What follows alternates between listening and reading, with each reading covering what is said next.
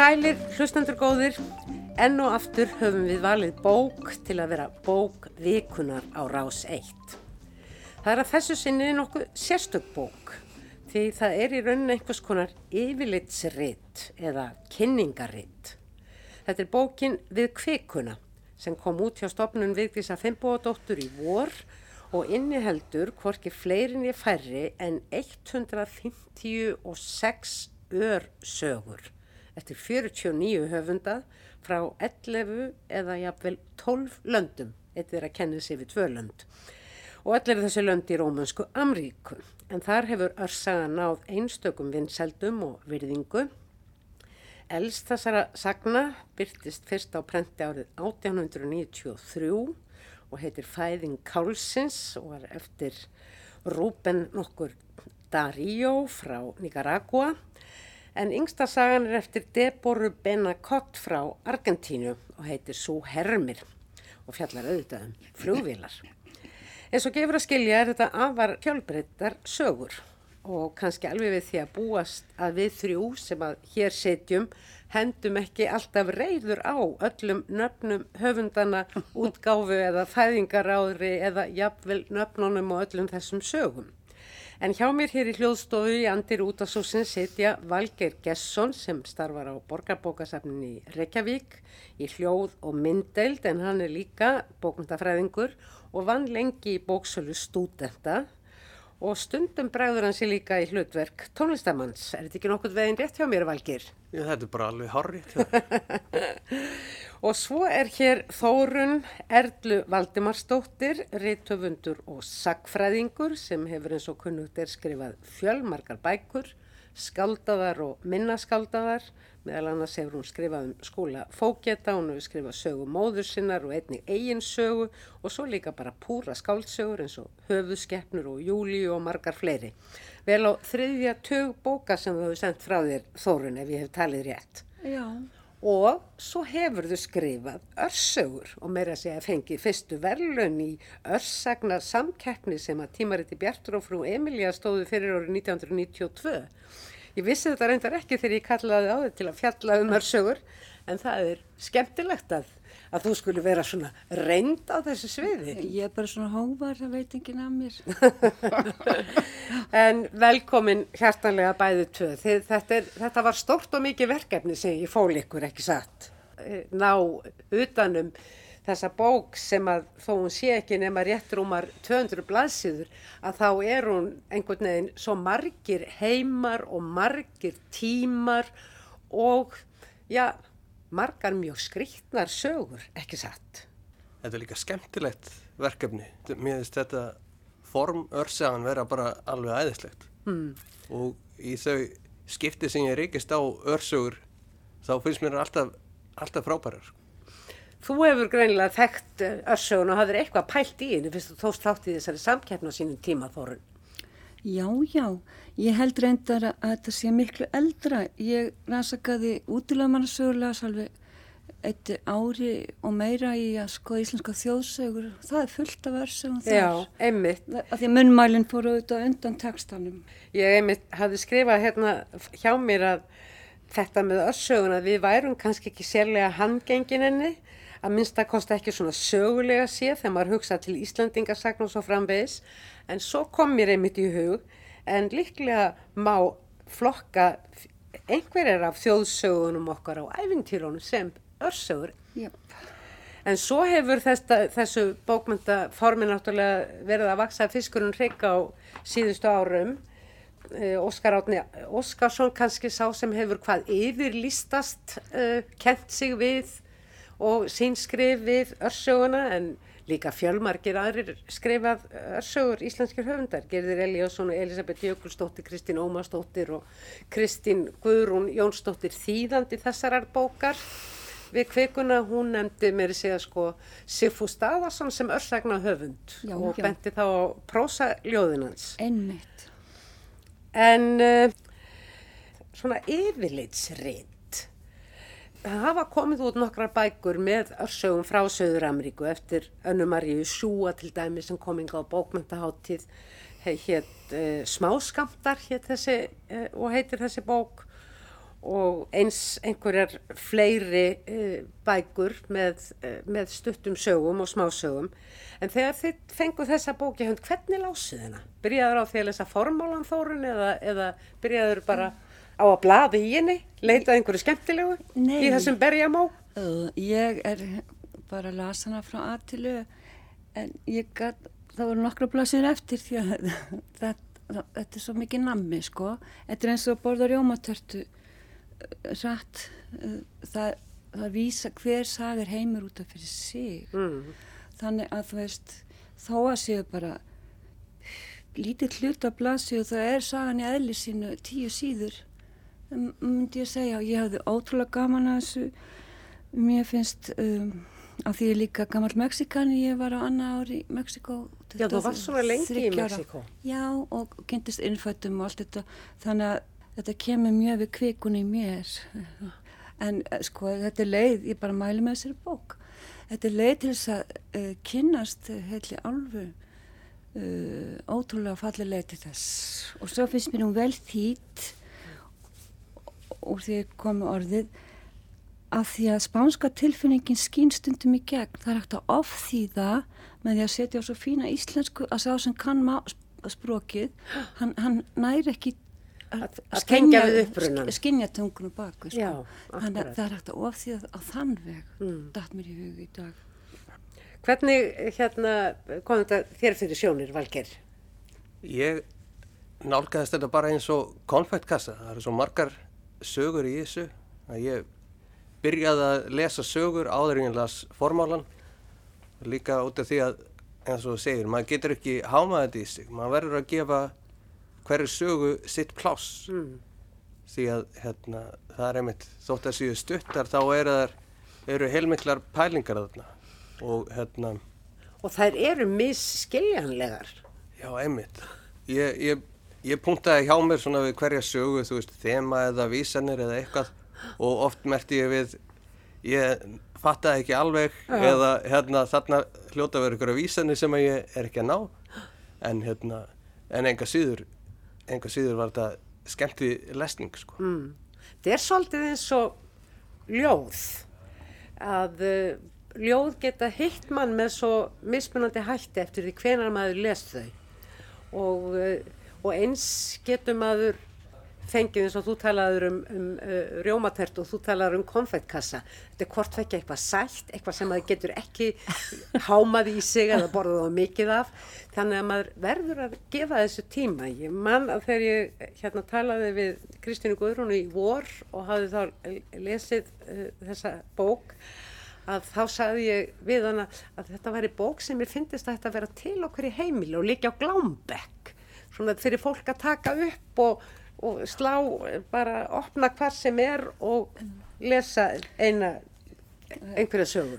kannski klósettbók Þetta er fí, mjög fín klósettbók myndi ég nákvæmlega, algjörlega. Já, ég var að tala við sýstu mína, hún var líka að klára að lesa hana og hún sagði að hún hefði haft hana bara á náttborðinu og tekið tvær, þrjár sögur í einu og aldrei meira. sko. Þannig að þetta er eitthvað sem að, eitthvað sem að greinlega flestir tengja við að, að, að gefa þessum sögum bara sitt pláss.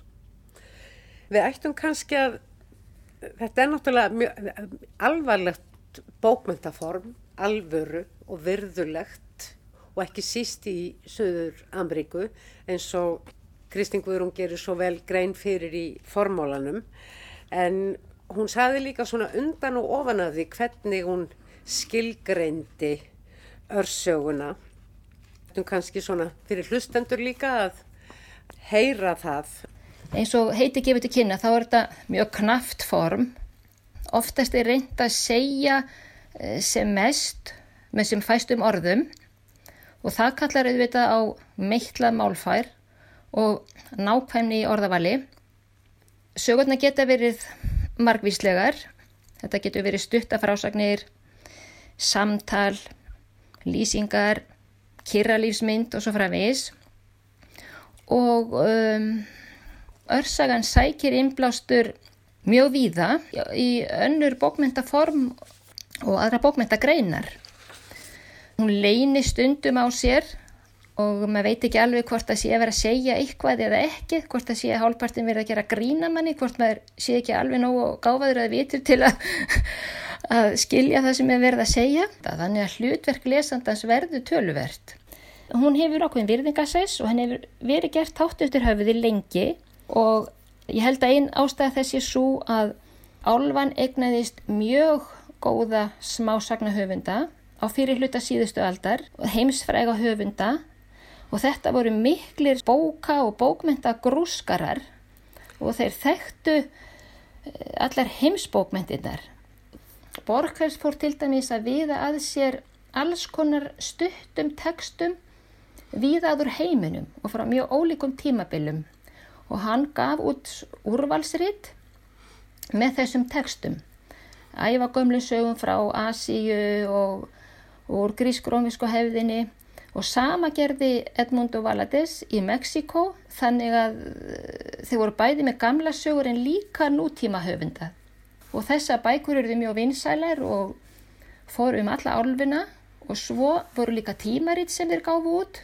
Þessi Sami Valadez hann gaf út tímaritt í Mexiko sem að hétt bara El Cuento eða Smásagan alveg dásamlega tímaritt og uh, í því voru alltaf nokkra síður sem að uh, voru helgaðar örsögum. Og örsögur eftir höfunda frá álfunni en líka frá öðrum löndum. Kafka kemur oft þarna fyrir, hann er eitt svona mikill áhrifavaldur og frakkan, náttúrulega bótið leir og aðri frakkar sem voru að skrifa hann í byrjun 20. aldar. Prósaljóðið, svona það já, tengist náttúrulega stert örsögunni. Og, mm. og svo fyrir hún smám saman að uh, þeir fara að fáa þetta form og svona um miðja öldin eða svona á sjött og sjönda áratug þá fer þetta að verða viðkjöndu bókmyndaformi. Hún talar þarna um ímsa tegundir af sögum, dýrasögur, sögur byggður á góðsögum, samtöl og svo framvegis. Finnst ykkur allar sögur jafn, uh, áhugaverðar, allar tegundir af þessum sögum? Eða allir höfundarnir, eitthvað, eitthvað sem að við duttu sérstaklega ofan í? Það eða renna, rennur þetta bara svona saman í eitt og þetta heitir mann svona uh, eftir því hvað, hvernig skapið maður er Mm. sjálfsögðu gera það það en það voru sumarðarna sem að snertu mig ekkert sérstaklega mm. en hérna ég hef sérstaklega gaman af, af þessum þú veist skemmtilegu sögum sem hafa tvist í lókin það er mjög mikið um það mm. og það er mikið þau eru mikið að leika sér höfundanir og eins og hún hérna Kristín Guðrún þýðandi saði þetta er dótakassi í bókvöndana mér finnst það bara mjög mjög skemmtilega orðið komist. Uh, Ég sko uh, það er þetta surrealismi töfrarinn segi sem er kannski sami hluturinn og þessi uh, um, undrun í endan það er aldrei eins og dansa tango og svo konunni hend svona niður. Það er hérna skellt niður bara. Já og uh, dæmum svona, svona sögu er, uh, er René Attiles Fabila frá Mexiko King Kong stýgur út úr kvikmyndatjaldinu til að finna apininu sína hann vil ekki þessa kettlingu þið vitið þarna sem hann átti að vera að faðma uh, sem hangir í, í, í, í hérna arminum á hannum já, eh, á hennu fræga kvikmyndaplakati. og svo koma allar dýrasögurnar það er svo gott að bókin er í tímaröð nokkurt veginn því að þetta er svo þjáð álfa uh, klassikinn på pildi töðnir á mér að því að það getur enginn lesið þar sögur sér til gleði nema að vera hámentaður þannig að hann er mentamæður að skrifa fyrir mentamenn en klassísku sögurnar þar vísa líka í Lísi Lundalandi sko, þar líka yngri klassík gósi, maður verið gósi öfugt, umsnúningur mjög algengur. Mm. e, Ale, Alejandra Písnark hún dauðin stúlkan og dúkan sitt við borða að drekka te. Það er auðvitað eins og Lísi Lundalandi e, viltu mér að te? spyr hattarinn í Alice en í sögunni þá spyr dauðin viltu vín og það er ekki vínuborði þannig að það verður opbáslega svona skemmt, skemmtum fyrir þá sem er píldi vel að sér mm. að finna vísanirnar en óþólandi lítið um alveru nýstandi sögur sem fara aftur til innfætra. Já, það er minnst eh, í stökusögu á innfæta, indjána, en uh, það er ekki nefn í örfáum. Er þetta, já, Þetta er nú spyr ég athyglisvert. sá sem ekki veit, er þetta svona bókmyndaform mentaðra? Þetta er náttúrulega bókmyndaform sem að verður til í eh, mikið uh, þróast í, síðun tímarita og í samtali á milli höfunda greinilega, en er líka vinsælt. Líka skemmtilegt og, og svo stutt. Já. Það er svona svo og hnyttið og flott á svo margan hátt. En það er þessi saga Sólmyrkvinn eftir Augusto Monterosso.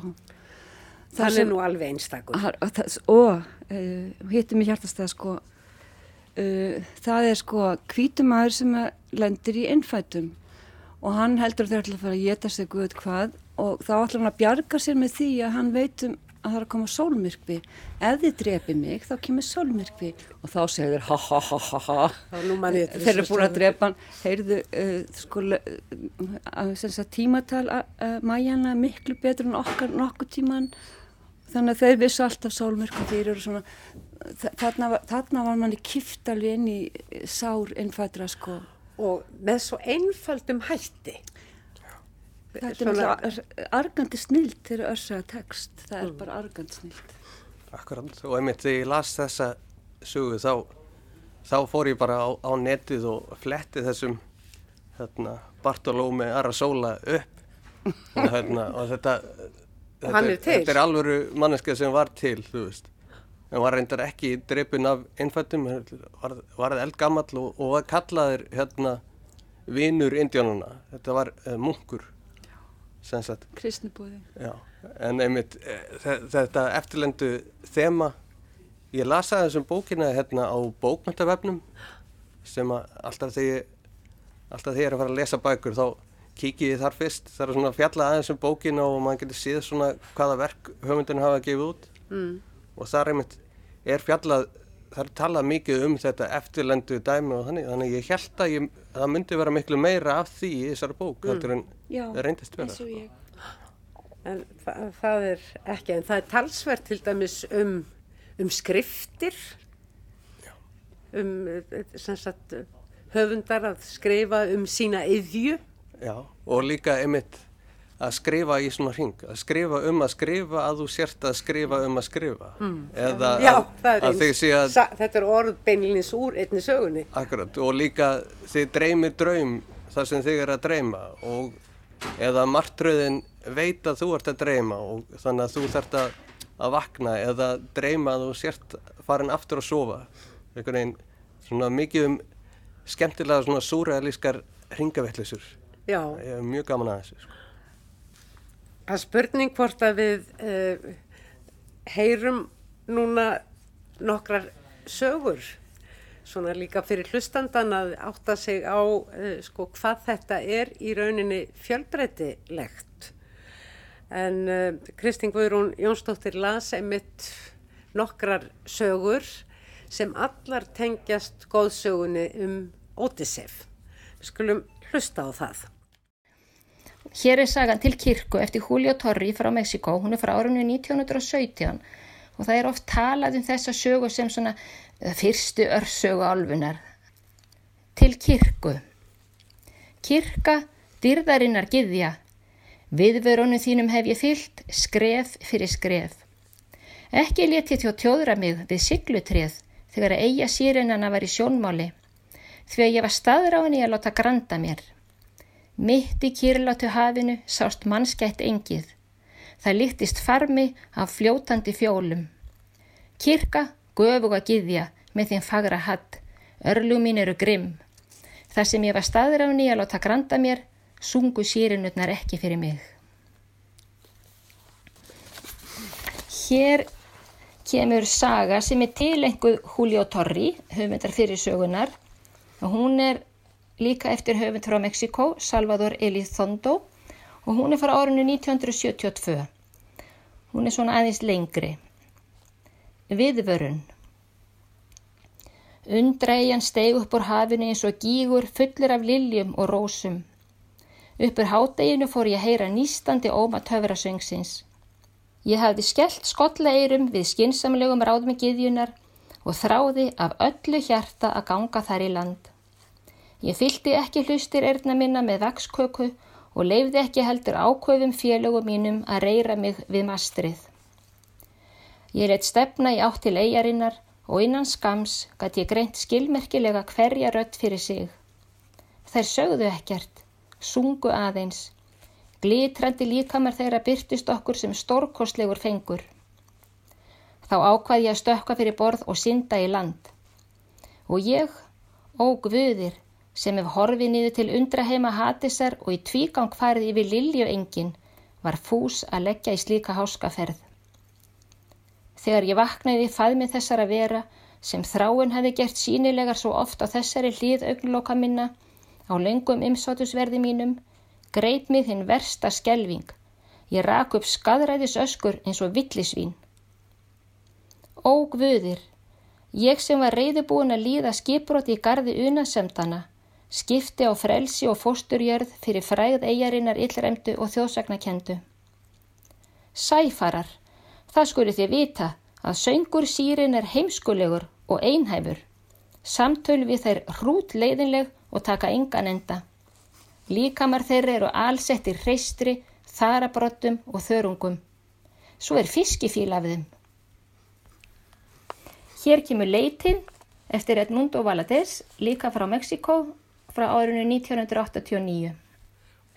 Þessar brjáluðu sírenur sem æða um borgina og væla í leitsinni að Ótiseifi. Og Anna Maria Sjúa frá Argentínu, hún bregst svona við. Þessi sagur frá 1984. Þið sanna er að sírenur hald ekki lægi.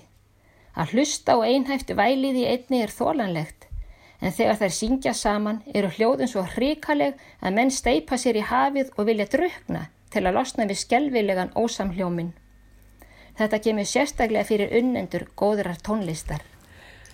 Já, það er svolítið gaman að þessum sögum að því að þær eru, eru mislangar og þær eru mjög misgamlar og eiginlega bara svo fyrsta eftir uh, sem sagt uh, hann Torri sem að svona sem að fer uh, svona með góðsögunni hinnar eiginlega kílana hinnir höfundirnir er, er að kílana þetta sé bara Já. ömurlegt og fílað þeim og, og hvaðina og, og sög, það syngja illa og ég tala nú ekki um sko Já. þegar við erum komin bara inn í, inn í nútíman þegar sírennur sem að stöðugt aka vælandu um gödurnar í leitað ótisefi.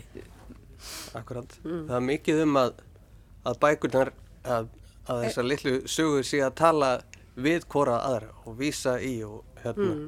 Og ég myndi oft þegar maður lesu þá, þá minnir þetta á okkur sögur sem að er fyrir í bókinni og greinlegt að höfundinir eru mjög meðvitaður um þetta mm. og eins og Já þessar síðustu ódisefsugur þá held ég að þau séu í rauninni miklu meira að kallast á við stuttu örsugurnar heldur en grísku góðsugurnar. Já, en það uh, eh, kathólsklönd af langmæstu leiti þau eru svo þrúða klassík og það eru líka biblju og seipanátt en maður skenjar uppreysnina sem kemur fram í þreytun á klassíkinni útúrsnúningi Það er kannski fluti af skýringunni að Örsagan hefur í þessari mjög svo kathólsku álfu, uh, Rómansku Ameríku, að Örsagan hefur náð svona, og sem er líka svona kúð, ekki bara uh, af trúni heldur líka einræði.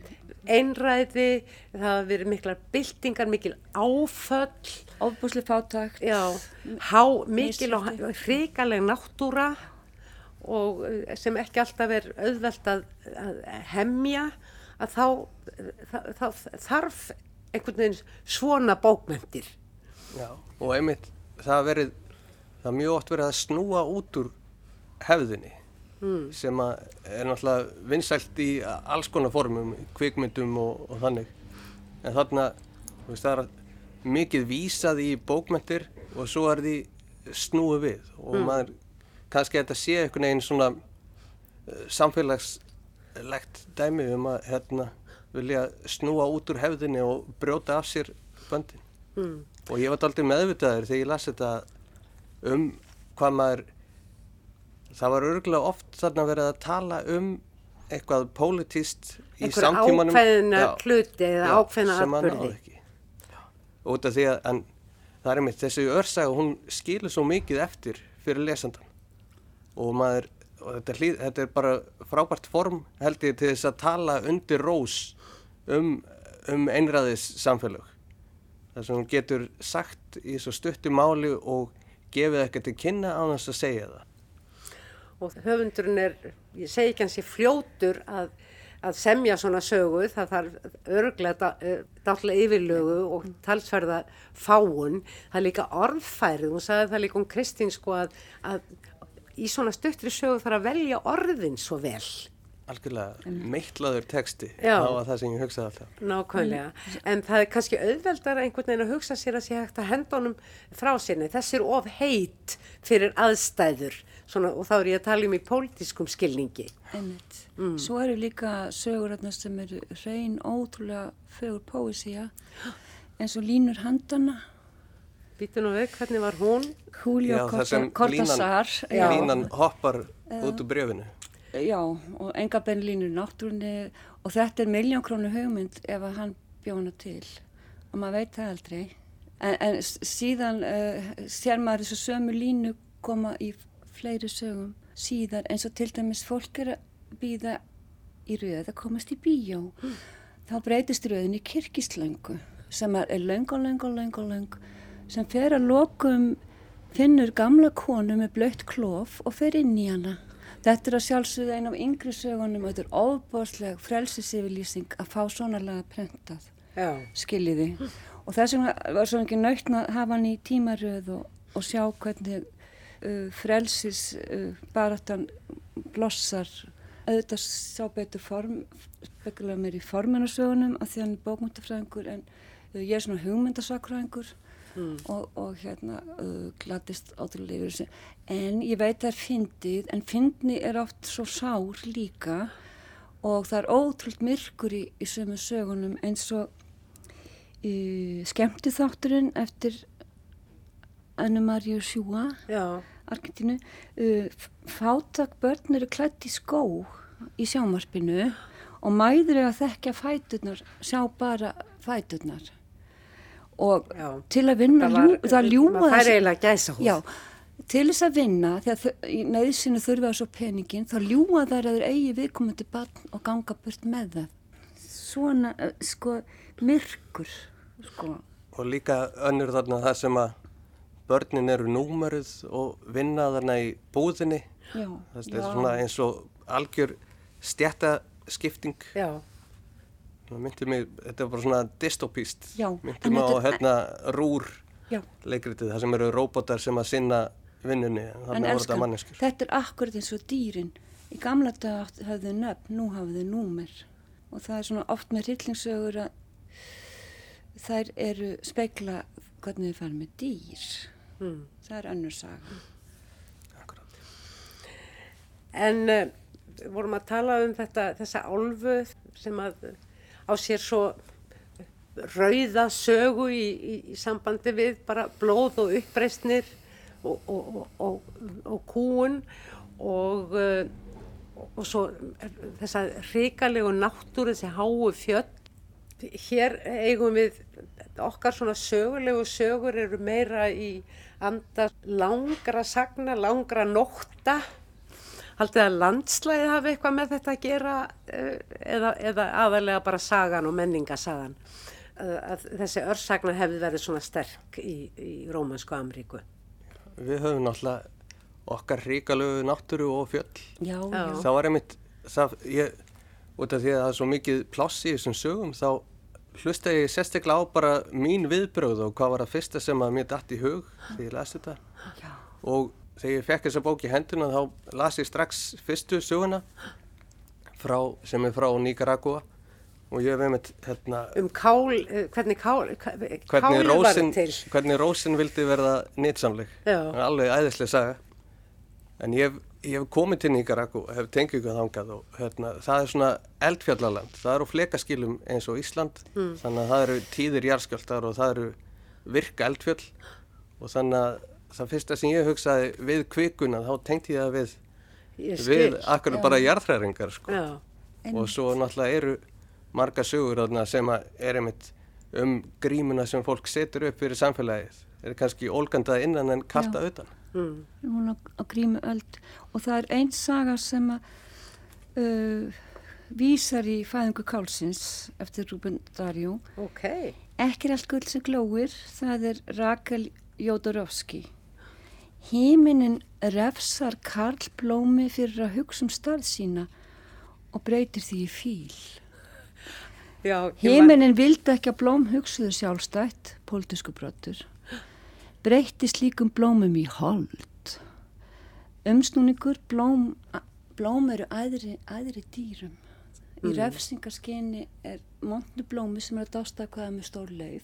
Já, Breytti í fíl. Er þetta ekki dásanlega? Akkurat. já.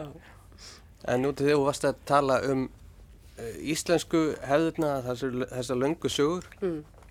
en það er náttúrulega mikil tenging milli örsögunar og íslendingasagnana. Þetta er, þetta er sama meittlaða málfarið. Það er lítið um skraut og ég veit að hann, hérna, Borges, hann hafði mikið dálæti á íslendingasögun. Vegna þessa og, og fleiri.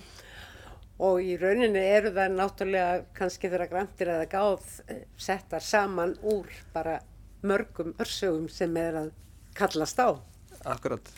Hann nefndi einmitt, hérna, ég var að lesa aðeins um þetta og hann nefndi hérna í erbyggjasögu þar sem að, eh, ég punktaði þetta hérna hjá mér, uh, já, erbyggjasögu þegar Þórólfur bæjafótur er að vega úlvar.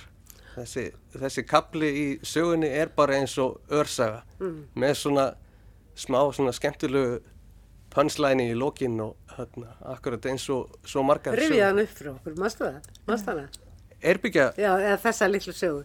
Já, það var nú, það var þannig að Þórólfur, að Þórólfur, hann, hann var nágranni Úlfars og hérna, en honum, hann vildi meira land, þannig að hann skoraði á hann í, í bardaga upp á, þú veist, að sá sem myndi lifa af, hann myndi hyrða bæðilöndin Mm. og hérna, Úlfar var gamall maður og vildi ekki, þú veist, láta móðga sig svona þannig að hann ákvað bara að fara þarna þótt hann vissi að hann myndi deyja. Og hérna, Úlfar deyr en hann næra höggu í löppin á hinum. Og eftir það var hann kallaði bæi fótur og þegar hann var haltur. Og svo kemur í lokin hérna að hann var, þú veist skýta persónuleiki eða ég man ekki nákvæmlega hvernig það var orðað Það er, það er svolítið um þá, þá hérna, að þeir fá, fá eh, magli, eh, svona, ekki magli málagjöld það sett ofan í við þá. Eh, Mér dettur hug Grettir sögu. Grettir er bara einu sinni með hvernmanni sem vekur grönsendir og það er svo meitla hann er nýkomin og drangaðsundi þurft að ná í eld.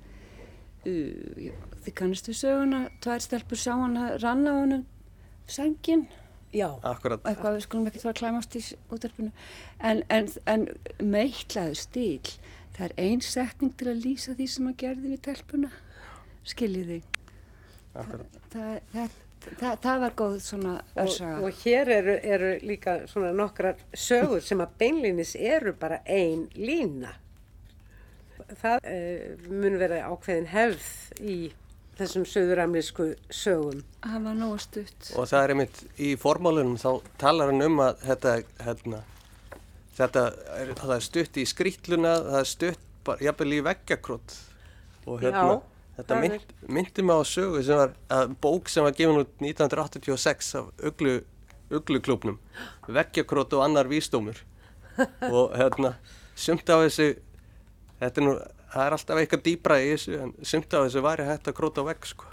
Já, akkurat. en, en sumt í þessum sögum að þarf að hafa verið vaknað með loðna konguló hliðinu fyrir kottanum til að skilja sögunum kongulóna Já, Já. þið, þið vitið eða set, setið á og lifa síðan með henni. upp á vegg, Já. já. það er nefnilega það sem ég gerði alltaf þegar hljóp út og ná í gæja til að taka hana, þá var hún horfin Já. þannig að ég lifði í rosa suspense með baneitra kongul og heima hjá mér. Og líka fyririldin smásagan um þessi ótrúlega fallu fyririldi sem fara uh, ég man ekki törna og- frá Mexiko, ég sá þar á ströndinu þegar ég var að tekna Maja rústir úr sem að synda mellir Guatemala og Mexiko það fljúa alveg lengst norður í Kanada saman og ég sér Svona fyrirlda svermur. Já, í þessari sögu þá er þetta gert að svona slöngu sem að flýgur allir svo leið. Maður skilur Og nær endan á milli. Ma, það er verið að ljúa saman að þau gerir þetta.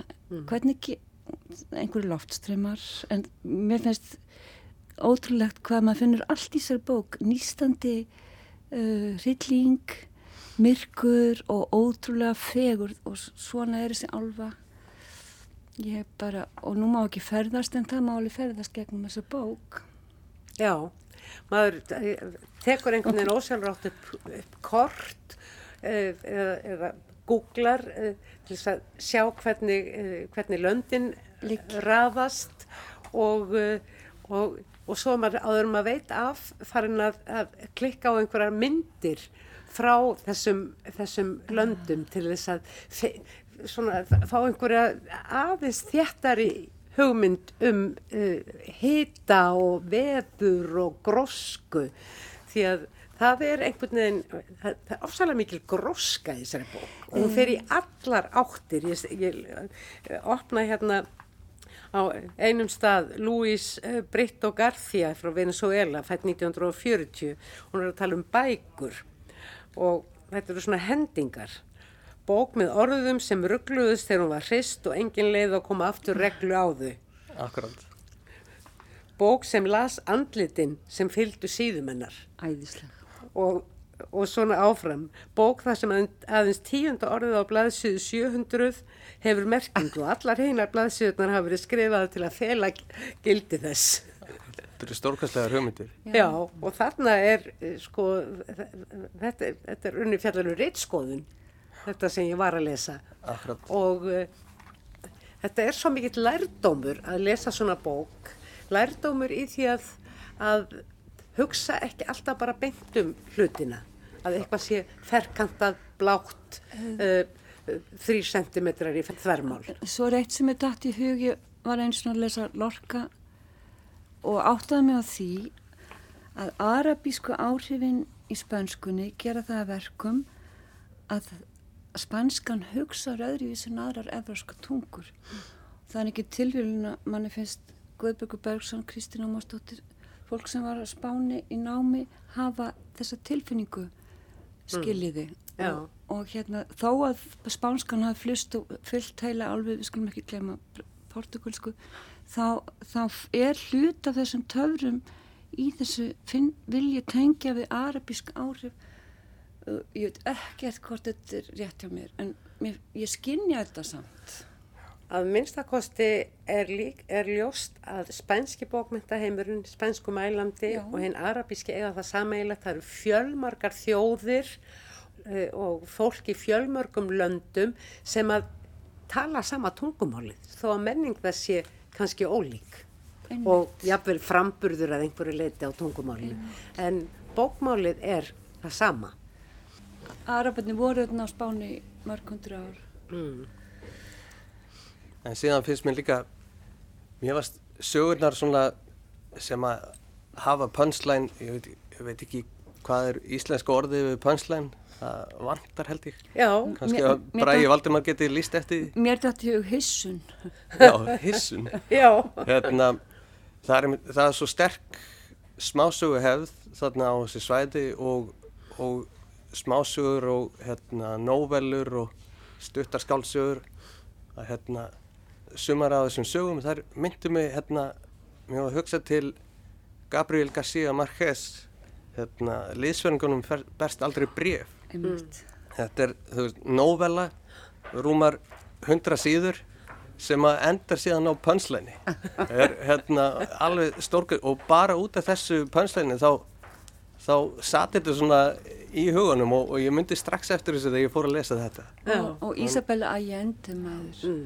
Guð mig góður hvað hún getur komið með sterkan endi En það er einmitt í smásjóðna sínar já, svo mikil hefð fyrir þessum smásögum og ég veit að, að það er einhverju sem að, það var, hvað heit hann, Horacio Kuroga, nú kann ég ekki Já, að byrja þetta fram, já. að skrifaði tíu reglur um smásögur, þannig að þau eru að mikið búið að pæla í, í, Í þessu þessu formi, formi, og þessum já. örsögum. Já, og mér skilst allavega kemur fram í formálanum að har- haldar beinlega sko örsagna hátíðir Já. og maður getur bara rétt ímyndað sér uh, hvað það hlýtur að vera skemmtilegt. Þess vegna er ég mjög spenntur fyrir þessum áformum um að taka saman íslenskar örsögur. Já, ég, það mun vera í bígerð. Akkurat, ég hlakka til að lesa það. Sannarlega og uh, það væri líka bara gaman að fá svona minni bækur Já, með einum og einum höfundi Akkurat. og svona fá víðari mynd og gleggri af viðkomandi höfundi. minni og sterkari. Ég manni mitt eftir ég að hafa lesið, það var Bjartur og frú Emilía sem gaf út hérna árið 2000 Daniel Karms sem var frá Rúslandi eða Sovjetríkanum mm. og núna er verið að gefa út aðra bók með sögum, ég held að það séu örsögur. Gamlar konur sem detta át á gluggan held ég hún heiti. Ég Já. hlakka til að lesa hana. Alveg rétt, hún er Hún- komin út. Hún er komin út, hún er Já. bara alltaf í útlöðan á bókasafninu en það er hægt að panta bara á netinu. Það voru oft gamla konur í þessar bók, ekki gamla kallar. En lifi örsagan, það er alveg greinilegt að þar er mikill, ekki bara blóma garður, það er bara mikill engi með henni fjölbreytilegustu flóru. Þórun Erlu Valdimarsdóttir og Valgeir Gesson, þakka ykkur innilega fyrir að spjalla við mig um þessa ótrúlega djúpu og fjölbreytilegu bók við kvikuna. Já, bara takk fyrir að bjóða Já, okkur og, takk. og jafnvel þótti spjöldliðin lengi þá náðu ekki einu svona nefna öll þeiminn sko. Nei, nei, nei, Þannig er djúb og góð þessi sko. þessu á að vera. Og þar með líkur þættinum bók vikunar að þessu sinni þar sem við reyndum að, að ná utanum örsögur í Rómansku Amríku við kvikuna. Takk fyrir að hlusta, kæru hlustendur. Úlfildur Eistensdóttir var teknimaður að þessu sinni verði sæl.